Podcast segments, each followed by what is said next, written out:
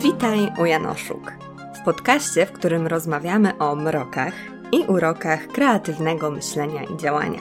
Ja nazywam się Ula Janoszuk i co tydzień pomagam Ci kreatywnie rozbłysnąć. U Janoszuk to bezpieczne miejsce na rozwój, przekonania i presję zostaw więc za drzwiami, rozgość się w atmosferze wzajemnego wsparcia i posłuchaj o zmianie przymusu w możliwość.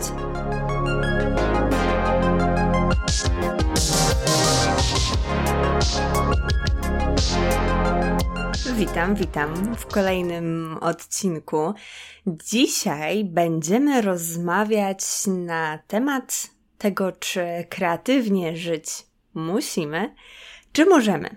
I to rozróżnienie było czymś, co bardzo, bardzo mocno wpłynęło na moje rozmyślania dotyczące zeszłego roku. E, jak pewnie wiecie, jeżeli słuchacie moich odcinków, Miałam dosyć gruntowne podsumowanie zeszłego roku z tego powodu, że widziałam, że coś tam nie działało. E, a, a nie działało z tego powodu, że pod koniec roku, na początku grudnia, miałam dosyć solidny kryzys, duży, duży dół psychiczny. No i zaczęłam szukać odpowiedzi w moich porannych stronach, czyli w dzienniku, który prowadzę regularnie na co dzień, do którego nie wracałam. I mówiłam o tym więcej właśnie w odcinku dotyczącym tego, co mi w 2021 roku nie wyszło. Oczywiście Wam podlinkuję.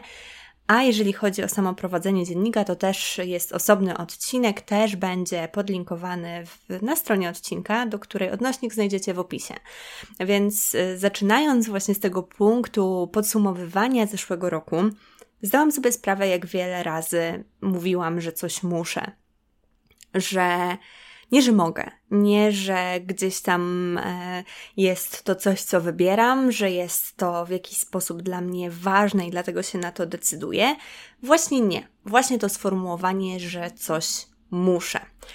I tak zaczęłam się zastanawiać, wiecie, skąd to w ogóle się wzięło? Skąd to w ogóle wynika? Mm, I jaka jest w tym wszystkim logika? Trochę zarymowałam.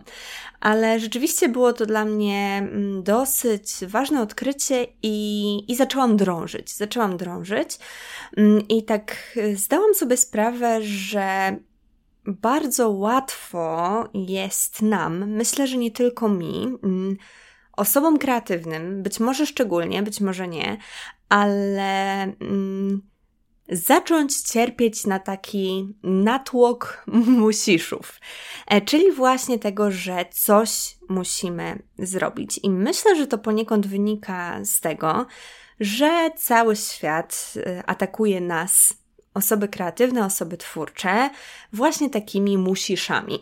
E, dosyć trudno się to wypowiada, ale jest w tym jakaś taka mm, przewrotna natura. E, czuję, że kiedy wypowiadam właśnie e, musisz jako takie, nadając mu osobową formę, ono staje się takim stworzonkiem, które trochę przypomina mi chochliki kornwalijskie z Harry'ego Pottera i Komnaty Tajemnic. Myślę, że jeżeli jesteście fanami Harego, e, no to na pewno pamiętacie te niebieskie stworzonka, które były mega upierdliwe, no i które zmuszały do konkretnych e, działań, a raczej do obrony. Więc z tym te musisze mi się kojarzą. No i na początku e, tego typu zobowiązania dotyczące naszego kreatywnego życia przychodzą, mam wrażenie, z zewnątrz. I są to takie komunikaty typu: musisz zarabiać na swoich dziełach, albo musisz znaleźć poważną pracę, albo musisz wreszcie dorosnąć, albo musisz zarobić na swoje życie, albo musisz założyć biznes oparty o swoją kreatywność. To musisz, musisz, musisz jest wciąż powtarzającą się mantrą, którą bardzo łatwo jest uwewnętrznić, albo której działanie łatwo jest przejąć na to, co my myślimy.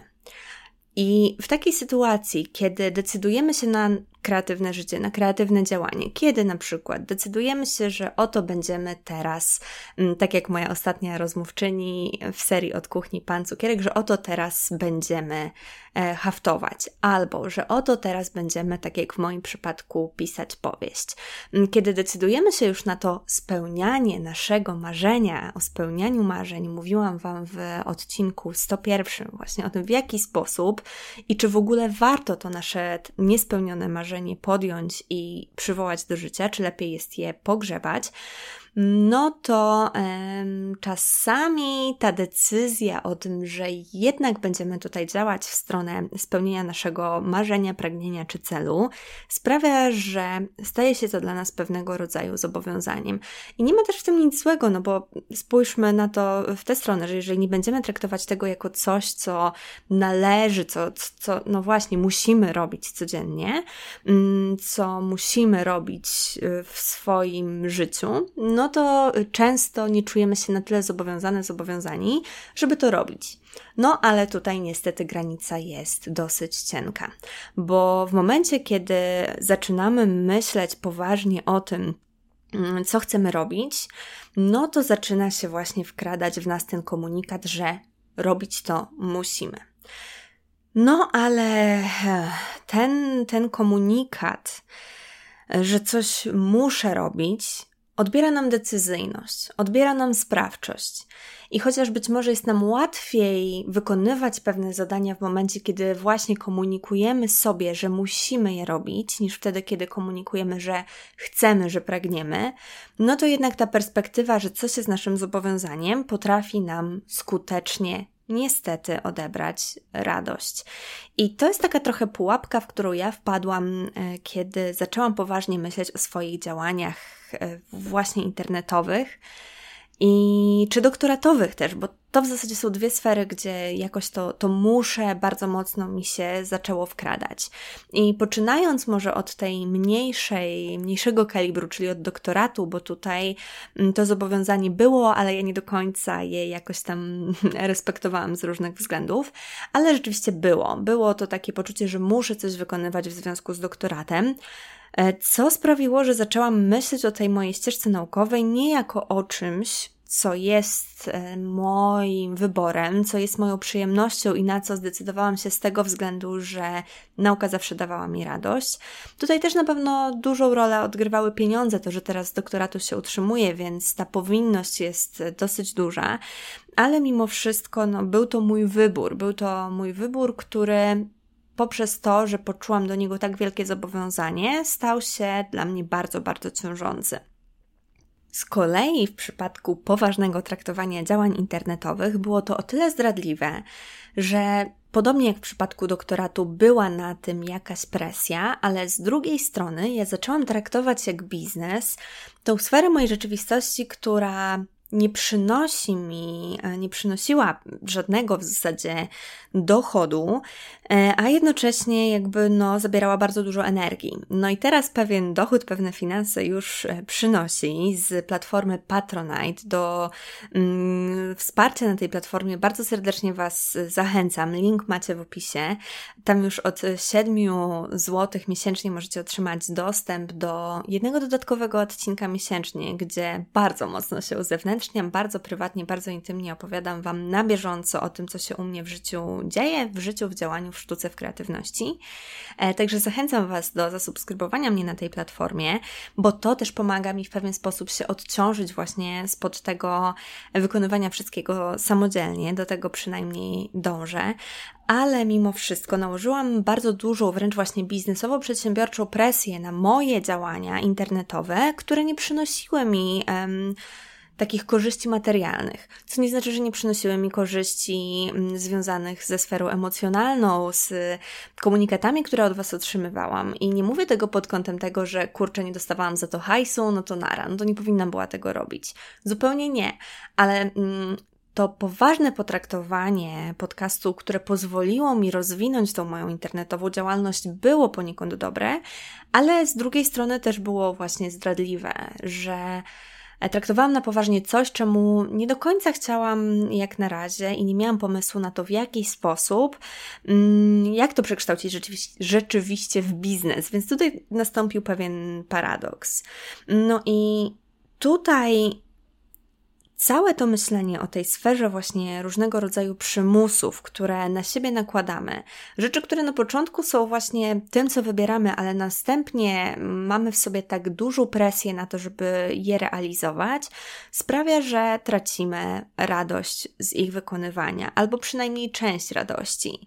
Że jest to presja, że jest to obowiązek, więc y, traktujemy to jako obowiązek, przez co czasem zapominamy o tym właśnie skąd to wszystko się wzięło? Gdzie to wszystko się zaczęło? A to wszystko zaczęło się z naszej możliwości. I tak naprawdę dalej w tej sferze naszej możliwości pozostaje i z tej sfery naszych możliwości czerpie. I preparatem na te szkodniki, na te, na te chochliki, które gdzieś tam się pojawiają, nie jest zaklęcie Imperio ani żadne inne. Jest to spojrzenie na te rzeczy, które myślimy, że musimy, właśnie z powrotem jako na sferę możliwości, z powrotem jako na sferę naszego wyboru. I to jest rzecz prosta. Rzecz prosta, bo mm, przynajmniej tak, tak w teorii, tak w takim wypowiadaniu tego jest rzeczą prostą, no bo co? No bo rzeczywiście mogę powiedzieć, że mogę. Nie muszę mówić, że muszę. I sądzę, że tutaj dosyć um, duże pokłosie niesie za sobą to myślenie o tym, że mogę wszystko. I Pewnie nie zawsze i pewnie nie u każdego, ale u mnie trochę zdradliwym okazało się to właśnie myślenie, że mogę wszystko i to myślenie, że wszystko da się ogarnąć. I nie mówię tutaj, że wszystko chcę zwalić teraz na Marie Forleo i jej koncepcję, którą przedstawia w książce o tym samym tytule, ale moim podejściu do tego, że wszystko da się ogarnąć i że mogę wszystko bo to, że mogę wszystko, to, że ty możesz wszystko, nie oznacza, że wszystko musisz, muszę, musimy. I to jest bardzo ciekawe, że Łatwo jest właśnie z tego, że wszystko da się ogarnąć, wszystko mogę ogarnąć. Łatwo jest przejść do tego, że wszystko ogarnąć muszę. Że skoro wszyscy inni, cały świat przykłady przedstawiane w książkach, media społecznościowe pokazują nam wizję osób, które nawet jeżeli nie osiągają sukcesów, to brną do tego osiągania sukcesów, chociaż z reguły wiecie, no jest to jakoś tam ze sobą połączone, że często słyszymy o sukcesach ludzi w momencie, kiedy te sukcesy zostają osiągane, no i wtedy ta droga jest jakoś uwidaczniana, że te trudności się tam pojawiały, że trzeba było się przedzierać przez najgorsze e, życiowe momenty po to, żeby znaleźć się w tym miejscu. No ale wiecie, jest też masa z nas osób, osób, które nie, nie, nie odniosły tego sukcesu, nie są w tym miejscu, a nadal te trudności mają. I bardzo mocno trafił do mnie ostatnio odcinek Marty Niedźwieckiej, podcast o zmierzchu, na pewno większość z nas go kojarzy. Odcinek pierwszy z najnowszego czwartego sezonu, oczywiście Wam podlinkuję w opisie odcinka. Odcinek o odpuszczaniu, który ha, tak w skrócie, tutaj ciężko jest mi go skracać, streszczać, bo uważam, że jest na tyle wartościowy, że naprawdę warto przesłuchać go całego.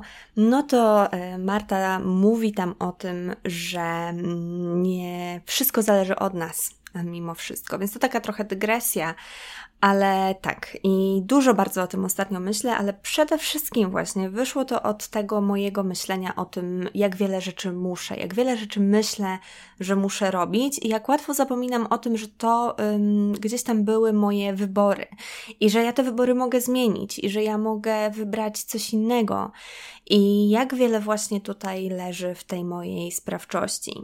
I na pewno też bardzo dużą rolę mm, odgrywał w tym wszystkim Franklin Covey i jego książka Siedem nawyków skutecznego działania. Pierwszym nawykiem jest właśnie zdanie sobie sprawy z tej swojej proaktywności, z tego, że to my wybieramy w jaki sposób reagujemy na świat, w jaki sposób wpływamy na świat i to, jak możemy ten swój świat i tą swoją rzeczywistość tworzyć. I właśnie ta koncepcja tworzenia tej, tej swojej rzeczywistości, tworzenia swojej codzienności, tego, że na co dzień każdego dnia mm, gdzieś tam swoją sferą wyborów i tego, na co się decyduję, wybieram, jak będzie wyglądało moje życie, przez co właśnie je tworzę, było dla mnie koncepcją bardzo e, jakoś tam uwalniającą i pokazującą też tym bardziej coś, co przejawia się tutaj w tym podcaście w zasadzie od początków jego nagrywania, to to, że właśnie ten proces jest w centrum. To dzianie się, to co jest teraz, jest tym, na co mam wpływ.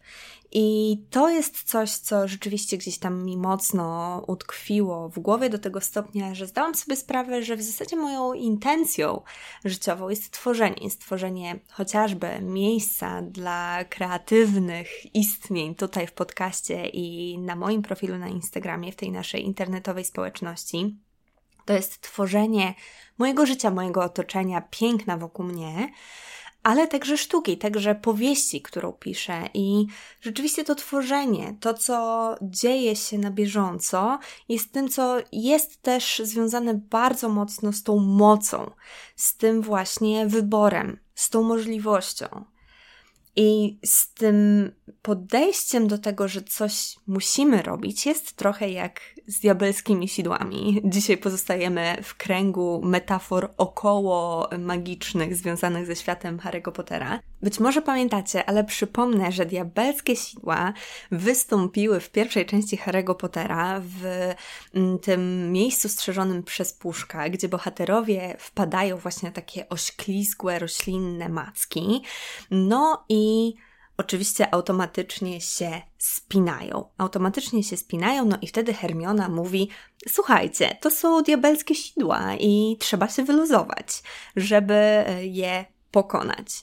No i wtedy e, rzeczywiście Hermiona się wyluzowuje, te sidła ją gdzieś tam pochłaniają, Harry tak samo, no ale Ron ma problem z tymi sidłami do tego stopnia, że właśnie mm, ratuje go Hermiona zaklęciem. No ale właśnie z tymi musiszami, z tym poczuciem, że coś musimy robić, jest trochę właśnie jak z tymi diabelskimi sidłami, że kiedy podchodzimy do spraw, do naszych działań, do naszego życia, na zasadzie, że musimy coś robić, maksymalnie się spinamy. Mamy napinkę na to, że to musi być w ten sposób, że to musimy zrobić, że to musimy zrobić tak, a nie inaczej, że musimy osiągnąć to, co chcemy, że musimy dojść do spełnienia marzeń, że musimy osiągnąć te nasze cele i automatycznie nasze ciało, nasza głowa, nasze emocje spinają się właśnie do do, do tego wszystkiego i tworzy się niewyobrażalne napięcie. Też właśnie mówiła o tym więcej e, Niedźwiecka e, w odcinku. Także jeżeli to jest temat, który gdzieś tam czujecie, to koniecznie, koniecznie sobie ten odcinek przesłuchajcie. Ale w momencie, kiedy zdamy sobie sprawę, że tym wszystkim, jakby w sednie tego wszystkiego, gdzieś w rdzeniu, w tym ziarenku, które to wszystko zapoczątkowało, e, z którego wyrosły te macki, które teraz ta, tak nas, wiecie, na maksa mocno trzymają, była ta nasza możliwość, był nasz wybór, wtedy zaczyna się dziać coś bardzo ciekawego. Wtedy zaczyna się luzowanie. Wtedy zaczyna się to robienie przestrzeni. I wtedy pojawia się wolność. Te macki odpuszczają, a my stajemy się na powrót wolni i wolne. Zdajemy sobie sprawę z tego, że u źródeł wszystkiego jest nasz wybór. I to jest z jednej strony bardzo uwalniające i no i takie, wiecie, pozwalające wziąć oddech pełną piersią ale z drugiej strony bywa to też przytłaczające. I ja też nie chcę tutaj mówić jednostronnie, że o, wszystko możemy i, i, i, i wiecie, i, i tyle. Bo oczywiście, że w tym wszystkim olbrzymią rolę odgrywają nasze mm, różnego rodzaju okoliczności, w których jesteśmy, miejsce, z którego wychodzimy. Ja zawsze pozostaję wrażliwa na to, że nie wszystkie, nie wszyscy mamy takie same możliwości. Część z nas jest uprzywilejowana w niektórych sferach, część w innych i naprawdę to jest bardzo indywidualne. Dlatego zdecydowanie nie warto się porównywać z innymi w tej kwestii. O porównywaniu się też będzie odcinek, e, bo myślę, że to jest bardzo ważny i dotykający nas e, wiele, wiele z nas temat. Więc tutaj nie warto się porównywać z innymi, ale warto zrobić sobie taki trochę mm, fikołek myślowy i spojrzeć na to, co myślimy, że musimy, na te obowiązki, które, wiecie, gdzieś tam na przykład pod koniec dnia, kiedy kładziemy się do łóżka, tuż przed snem, wypełzają do naszej głowy że musimy zrobić jeszcze to, musimy zrobić jeszcze tamto. To są właśnie te słowa, których ja używałam na stronach moich porannych stron, na stronach mojego dziennika że ja muszę coś zrobić, że ja muszę jeszcze to przeczytać do doktoratu, że ja muszę dokończyć ten tekst, że ja muszę e, napisać do promotorki, że ja muszę, muszę, muszę, a nie, że ja chcę, nie, że ja mogę. A w moich badaniach doktoranckich i nie tylko, też moich badaniach, które gdzieś tam w przeszłości prowadziłam, było bardzo dużo takiej radości, swobody i chęci do tego, żeby zgłębić jakiś temat, żeby intelektualnie jakiś temat objąć, żeby mm, coś nowego właśnie wykombinować. Ja to totalnie zatraciłam w zeszłym roku i właśnie te słowa, że coś muszę, były tego, myślę, że najlepszym, największym mm, dowodem. I no tak, jeżeli e, ktoś by postanowił mi postawić zarzuty przed sądem, no to z pewnością mógłby wykorzystać mój dziennik przeciwko mnie, bo tam naprawdę to moje podejście było no dosyć takie przytłaczające, zdecydowanie. Także nie zawsze jest to e, uwalniające tak, jak mogłoby być, bo czasami mamy takie poczucie, że no dobra, skoro mogę wszystko, to co ja w ogóle mam robić? To to nagle otwiera się przed nami taki lęk, że, że to życie zależy od nas, że to życie należy do nas. I nie musimy pozostawać w tej sferze różnych wpływów, czy to z zewnątrz, czy to z wewnątrz, że możemy sobie na nowo zweryfikować te sprawy. I to jest przytłaczające i z pewnością będzie przytłaczające, jeżeli nigdy nie patrzyliście na to w ten sposób. Ale z drugiej strony korzyści, które można z tego podejścia wyciągnąć, jest naprawdę wiele. I teraz chciałabym do nich przejść. Pierwszą korzyścią z tej zmiany myślenia z muszę na mogę jest odzyskanie kontroli nad życiem. I tak jak powiedziałam, to może być przytłaczające, ale w momencie, kiedy już sobie to poukładamy, to jest to bardzo wyzwalające pod tym kątem, że zdajemy sobie sprawę, że kontrolujemy to, co wybieramy, że kontrolujemy to, jak wygląda nasze życie i że właśnie ten nasz wybór leżał u podstaw tego, co teraz robimy.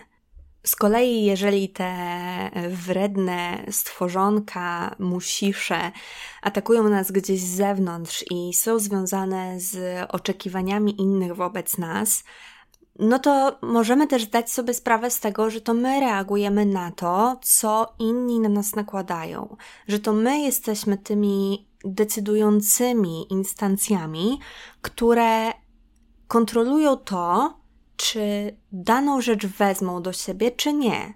Oczywiście nie zawsze jest łatwo e, i nie zawsze będzie łatwo, i łatwo jest pewnie mówić, a nie łatwo jest to mm, regularnie, za każdym razem, kiedy pojawiają się te wewnętrzne czy zewnętrzne presje, uskuteczniać.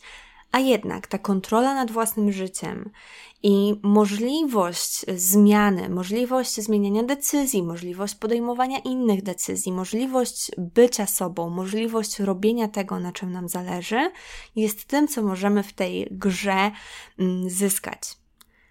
Drugą korzyścią jest to te nowe możliwości i rozwiązania, jest dostrzeżenie tych nowych możliwości i rozwiązań. Tego, że nie musimy robić danej rzeczy w dany sposób. Bo tak jak wspominałam, to poczucie przymusu, ono nas paraliżuje, ono nas zaciska jak diabelskie sidła, a w momencie, kiedy sobie odblokujemy e, nasze ruchy właśnie spod ich wpływu, to okazuje się, że te rzeczy, które myśleliśmy, myślałyśmy, że musimy zrobić w konkretny sposób, zyskują na tyle przestrzeni, że jesteśmy w stanie pomyśleć o rozwiązaniach innych, alternatywnych, że jesteśmy w stanie odejść od tego, do czego tak byliśmy silnie przywiązani, do sposobu wykonywania konkretnych rzeczy i działań, w stronę innych możliwości i sposobów. Kreatywność jest wolnością, jak mówiło wiele z Was w setnym odcinku podcastu.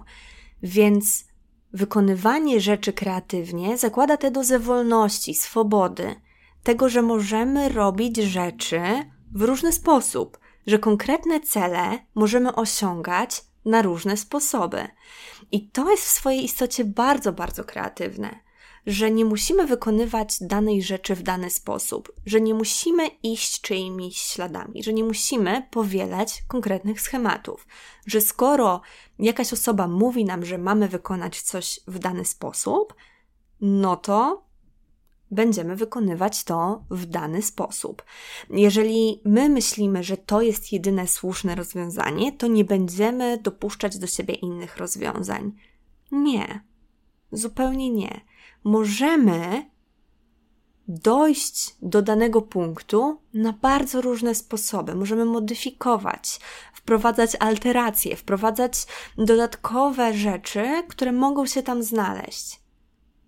Więc to myślenie o możliwości, to uwalniające myślenie o możliwości pozwala nam na większą kreatywność, co jest moim zdaniem niesamowitym sprzężeniem zwrotnym. I ostatnią korzyścią, którą chcę tutaj przytoczyć, chociaż z pewnością jest ich więcej i z pewnością też same sami dostrzeżecie, kiedy zmienicie tą perspektywę na opartą o możliwość, no to jest radość. To jest odzyskanie radości z tego, co robimy. I tak właśnie było chociażby w przypadku mojego myślenia o doktoracie. Czyli, że w momencie, kiedy myślałam, że muszę, że muszę tak, a nie inaczej, że to jest jeden, jedyny sposób, w jaki mogę to zrobić, mm, gdzie miałam właśnie pozamykane te różne opcje i ścieżki, to nie czułam się fajnie. Wręcz przeciwnie, czułam się okropnie źle. I bardzo długo zajęło mi po zmianie promotora i po takim zmia- w takiej zmianie w ogóle mm, myślenia, dojście do tego, że to był mój wybór i że ja mogę czerpać z tego radość i że ja mogę to robić na różne sposoby. I to jest straszne z jednej strony, jak bardzo te nasze poważne traktowanie taki zacisk na tym, że mamy coś robić, że trzeba coś robić, potrafi odebrać nam radość, ale z drugiej strony to właśnie myślenie o tym, że to była nasza decyzyjność, która doprowadziła nas do tego miejsca, w którym się teraz znajdujemy, sprawia, że możemy na nowo odnaleźć tę radość, tę wesołość, to poczucie, że jest to coś, co było i jest dla nas ważne. Mm, I to jest coś nieocenionego, to jest coś, co sprawia, że dajemy sobie radę z tym, jak dużą presję same różnego rodzaju mm, przedsięwzięcia potrafią na nas nakładać, no bo powiedzmy sobie szczerze, namalowanie obrazu, zaprojektowanie czegoś, e, nagranie utworu, napisanie doktoratu, to są duże rzeczy, ale w momencie, kiedy wiemy, dlaczego je robimy i że jest ta możliwość w tym wszystkim, że to nie jest konieczne, że to nie jest obowiązek. Oczywiście, jakby może się nim stawać, ale jednocześnie, że jest w tym właśnie to ziarno naszej możliwości, nagle wyzwala się nie tylko inna droga wykonania danej rzeczy, ale także wyzwalają się nasze emocje. I tak jak Ron, mówimy, dobrze, że wyluzowałem, chociaż w jego przypadku to wyluzowanie niestety nie nastąpiło. I tutaj jest też trochę ta trudność, nie? E, tego naszego wyluzowania związanego z naszym podejściem, z naszą zmianą w głowie, a właśnie tego e, para wyluzowania Rona, bo czasem tak się zdarza, że coś wyzwala nas z tego obowiązku. Czy to na przykład rezygnacja z jakiegoś projektu, czy to, nie wiem, wyrzucenie z pracy. Różnie się może zdarzyć, nie? Różne okoliczności następują. I są to pewne, mm, pewne rzeczy, które nie zależą od nas, jakiś taki zewnętrzny ruch, który nas skądś wyciąga, właśnie wyciąga nas z tej powinności.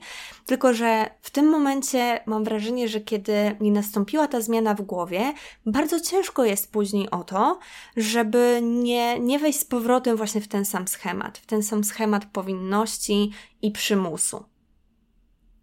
Chociaż i tak myślę, że jest to coś, co potrafi nawracać i warto sobie raz na jakiś czas właśnie zrobić taką sesję traktowania tych szkodników właśnie tym poczuciem możliwości. Czego nam wszystkim życzę.